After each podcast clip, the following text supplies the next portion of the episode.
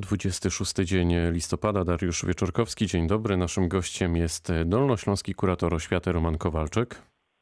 Dzień dobry Państwu, kłaniam się Panu redaktorowi. Czy Pan, Panie kuratorze, jest e, za tym, żeby ferie były w jednym e, terminie? Bo mam wrażenie, że od wielu godzin o, o niczym innym albo prawie niczym innym się nie mówi. I czy naprawdę otwieranie stoków narciarskich powstrzyma rodziców z dziećmi przed wyjazdem w góry? Nawet jeśli weźmiemy pod uwagę, że zamknięte będą hotele, restauracje. Czy rząd się nie zakiwał w tej sprawie? Nie, myślę, że to jest bardzo dobry e, pomysł. Zresztą e, to było rozwiązanie forsowane, e, sugerowane przez epidemiologów. Ferie, które do tej pory odbywały się w różnych terminach dla różnych grup województw, na przykład na Dolnym Śląsku mieliśmy ferie rozpocząć od 18 stycznia i miały one trwać dwa tygodnie. Teraz będą one od 4 stycznia do 17 w skali całej Polski. Chodzi bowiem o to, aby nauczając zdalnie aż do świąt Bożego Narodzenia. Później będzie kilka dni wolnych między świętami a Nowym Rokiem. No a później po Nowym Roku, czwartego, przyjdą z kolei ferie i chodzi o to, aby ten okres bez mobilności, bez częstych spotkań wydłużyć, a w tym czasie, daj Boże, doczekamy się szczepionki. Ja to rozumiem, panie kuratorze. Ja wejdę w słowo. falę zachorowań, zmniejszyć liczbę zachorowań. Życie i bezpieczeństwo jest najważniejsze. Jasne. Myślę, że nikt tutaj z tym nie będzie dyskutować, ale tak się zastanawiam, czy akurat takie wyrywkowe e, włączanie stoków narciarskich e, w te historię, że akurat to jest ta dziedzina, która będzie mogła spokojnie funkcjonować.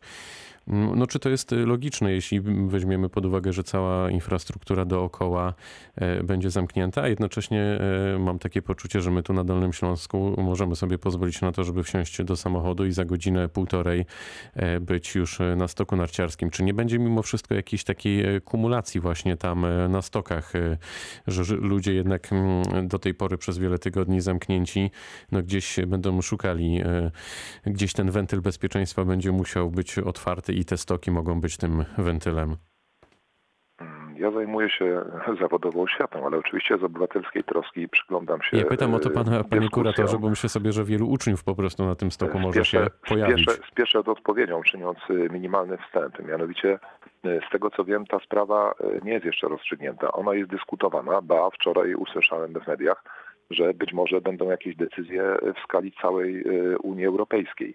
E, poza tym, mm, oprócz tej decyzji, no, która jest poza Dolnośląskim Kuratorem Oświaty, a która jest ważna społecznie, to y, będziemy bardzo gorąco, ja to niniejszym czynię, apelować do, do rodziców, do uczniów, aby y, w czasie ferii ograniczyć swoją mobilność i e, jednak nie jeździć po kraju, no bo pamiętam, że to zwiększa ryzyko koronawirusa, a chodzi, no wrócę do korzeni, o to, aby tych zachorowań było jak najmniej. Życie i bezpieczeństwo ludzkie jest najważniejsze. Stąd te trudne decyzje i te kontrowersyjne e, dyskusje. Z obozu rządzącego przebija się coraz więcej głosów mówiących o tym, że po 18 stycznia dzieci będą mogły już wrócić do nauczania stacjonarnego. Na razie jednak wszyscy uczą się zdalnie. Czy pan ma dane na temat efektywności tych zajęć? Czy już coś wiadomo?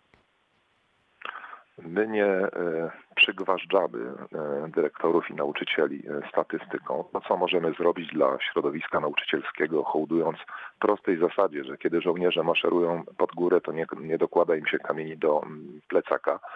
E, my staramy się, mimo że jesteśmy organem nadzoru nad, kontrolnym i to jest nasza podstawowa funkcja, to również wspieramy, ale wspieramy także przez to, że nie absorbujemy zanadto. W związku z tym zbieramy tylko e, sprawozdawczość tę absolutnie podstawową, czyli zleconą przez Ministerstwo Edukacji.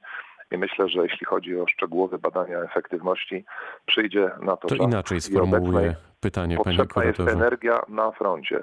Więc mówiąc krótko, nie prowadzimy takich szczegółowych badań, e, wszakże komunikując się ze szkołami, dodając ducha i dając również dyspozycję i dając praktyczne odpowiedzi. To jest powiedział pan, sens naszych działań. Jasne, powiedział pan, że e, jesteście e, nadzorcą. To czy w takim razie pan się wyrywkowo przygląda prowadzonym zajęciom? Czynią, czynią to wizytatorzy. E, I powiem jeszcze inaczej, e, mianowicie w mojej opinii nauczanie zdalnie, e, nauczanie zdalne całkiem przyzwoicie idzie, jeśli przyjmiemy, że papierkiem lakmusowym są monity, protesty, skargi, które zdarzały się i to wcale często na wiosnę, a w chwili obecnej one mają charakter incydentalny i w każdym takim przypadku oczywiście interweniujemy. Moja opinia jest następująca. Przybyło wiedzy, przybyło doświadczenia, nauczyciele robią to dużo sprawniej. Przybyło także sprzętu, gdyż duże środki Ministerstwa Edukacji Narodowej właśnie dopiero co ogłosiło, że w skali roku na przedsięwzięcia komputerowe, multimedialne, na szkolenia, na wsparcie finansowe dla nauczycieli realizujących zdalne nauczanie przeznaczono miliard złotych. Jeżeli do tego dołożymy wysiłek samorządów, to znaczy, że mamy sytuację lepszą aniżeli na wiosnę. A więc jeśli chodzi z tych powodów, które wymieniłem, o e, nauczanie zdalne, to jestem umiarkowanym optymistą. W tym miejscu bardzo gorąco dziękuję koleżankom, kolegom, którzy mierzą się z tym bezprecedensowym wyzwaniem. A czy nauka zdalna, pan jest doświadczonym nauczycielem, e, nie wyrządzi w pana ocenie zbyt wielu szkód w głowach tych najmłodszych uczniów, tych, którzy dopiero w tym roku na przykład rozpoczęli edukację? Nauczanie szkód nie wyrządza, natomiast bezspornie jest mniej efektywne aniżeli stacjonarne. Stąd też y, moja wcześniejsza opinia co do mm, konsekwencji, wytrwałości, cierpliwości społecznej, stąd te apele, stąd zrozumienie dla różnych obostrzeń. Chodzi o to, aby jak najszybciej wrócić do nauczania stacjonarnego. Prawdopodobnie wrócimy poprzez nauczanie hybrydowe. Myślę, że to nie będzie tak, pozwolę sobie na pewną delikatną prognozę, Y, oby ta fala zachorowań oczywiście spłaszczyła się, a najlepiej cofnęła, że od razu wrócimy do nauczania stacjonarnego. Prawdopodobny scenariusz to taki, że wrócimy do hybrydowego, czyli częściowo stacjonarnego, częściowo zdalnego, przy czym pewne fory będą mieć klasy maturalne i e, ósmoklasiści albo i taka egzamin. I ci będą chodzić do szkoły na, na stałe. Takie są to skoro jesteśmy, mhm. ustalenia. Skoro jesteśmy tutaj e, przy tematach e, związanych z maturzystami, czy pan wie lub spodziewa się, jak będą wyglądać egzaminy maturalne i egzaminy ósmoklasisty, do jak ewentualnie dużego kompromisu dojdzie względem chociażby wymagań ze strony tworzących arkusze? Czy uczniowie będą mogli liczyć na lżejsze podejście?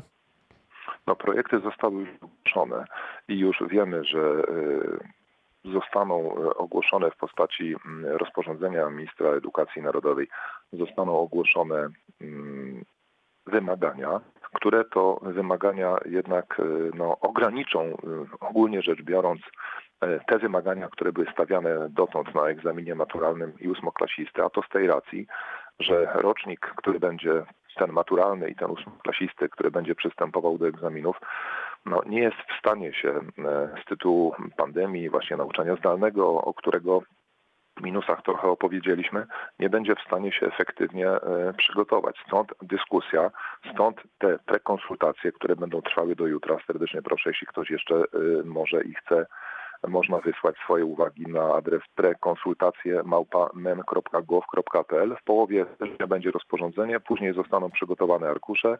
W marcu odbędą się próbny egzamin ósmoklasisty i egzamin naturalny i w maju, kiedy zakwitną kasztany, e, planowane są matury, natomiast egzamin ósmoklasisty w przeciwieństwie do mm, terminów z poprzednich lat, kiedy odbywało to się w kwietniu, w tym roku będzie się odbywał w ostatnim tygodniu maja. Mówiąc krótko, chcemy, żeby uczniowie z tego rocznika przygotowali się możliwie jak najlepiej, ale z obiektywnych powodów i odpowiadając na ich apele y, i rodziców, przygotowujemy mm, wymagania, które będą skonkretyzowaniem mm, tej właśnie wymaganej wiedzy i umiejętności na egzaminie. Konkludując, wymagania będą trochę mniejsze, wynika to powodów obiektywnych. No jestem usatysfakcjonowany tą e, odpowiedzią, panie kuratorze. A czy ma no, pan... wyrelacjonowałem plany. Tak, na, naprawdę, rzetelnie. A ilu nauczycieli w tej chwili e, przebywa na zwolnieniach w naszym regionie? Czy to jest duży problem? Możemy mówić o jakiejś dużej skali, czy raczej jednostkowe e, sytuacje? No, kłopot był, kiedy pracowaliśmy stacjonarnie, a fala zachorowań się podnosiła. Wtedy ci, którzy byli chorzy, albo ci, którzy mm, trochę się też obawiali, mieliśmy takie sygnały, przychodzili na zwolnienia i trzeba było to sztukować zastępstwami, to też nie było mm, efektywne.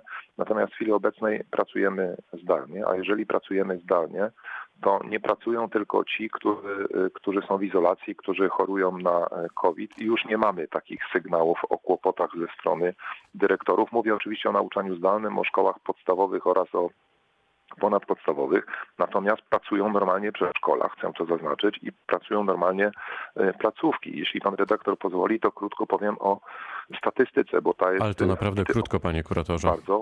To tak, jeżeli chodzi o przedszkola, najniższy meldunek 96,11% pracuje stacjonarnie, a jeżeli chodzi o placówki 99,47%.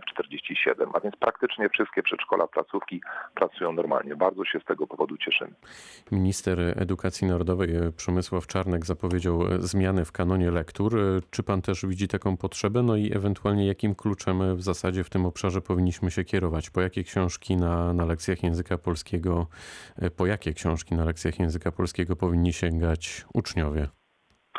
No, prace e, jeszcze nie zostały rozpoczęte. To jest na razie zapowiedź e, pana ministra. Kanon lektur zawsze budzi kontrowersje. Kanon lektur to jest zestaw tych książek, co do których uważamy, tych lektur, które zawierają pewien kod kulturowy, dostarczają no, podstawowej wiedzy rozgarniętemu, oświeconemu człowiekowi, e, zarówno chodzi tu o literaturę polską, jak i o literaturę światową, więc myślę, że będzie to przedmiotem e, konsultacji. Być może nastąpi tutaj korekta. Nie jesteśmy jeszcze wprowadzeni e, w żadne plany, ale na pewno będzie czas jak konsultacji. Tak jak konsultowane są wymagania teraz przed maturami, tak samo będzie czas dyskusji i każdy zainteresowany będzie mógł zgłosić swoje propozycje, swoje uwagi do kanonu lektur. A w Pana ocenie należy coś tutaj zmieniać? Ja w ogóle uważam, że my w ostatnim czasie, czego byłem też e, uczestnikiem, e, przeszliśmy, no, można powiedzieć, rewolucję w oświacie. Ja byłbym tu bardzo ostrożny, jeżeli chodzi o zasadnicze zmiany, że one powinny mieć, moim zdaniem, dzisiaj oświata pragnie spokoju, pragnie stabilności. Gruntowna zmiana po solidnych dyskusjach dopiero za kilka lat, natomiast w chwili obecnej jakieś jeżeli miałbym mówić o jakichś retuszach, ja może jeśli chodzi o to kanon lektur, czyli język polski, to moje obserwacje są takie, ja bym dołożył trochę lektur współ, bardziej współczesnych. O, to ciekawe. To jest pan w mniejszości, bo mam wrażenie, że raczej trend jest taki, że e, powinniśmy sięgać, zdaniem e, wielu, którzy się wypowiadają w tej sprawie, po historię e, no, sprzed wielu, wielu lat. Niech to będzie puenta, panie kuratorze. Dolnośląski kurator oświaty Roman Kowalczyk był dziś gościem rozmowy dnia. Bardzo dziękuję za spotkanie. Bardzo dziękuję za rozmowę. Zdrowia życzę. Również pytał Dariusz Wieczorkowski. Dobrego dnia.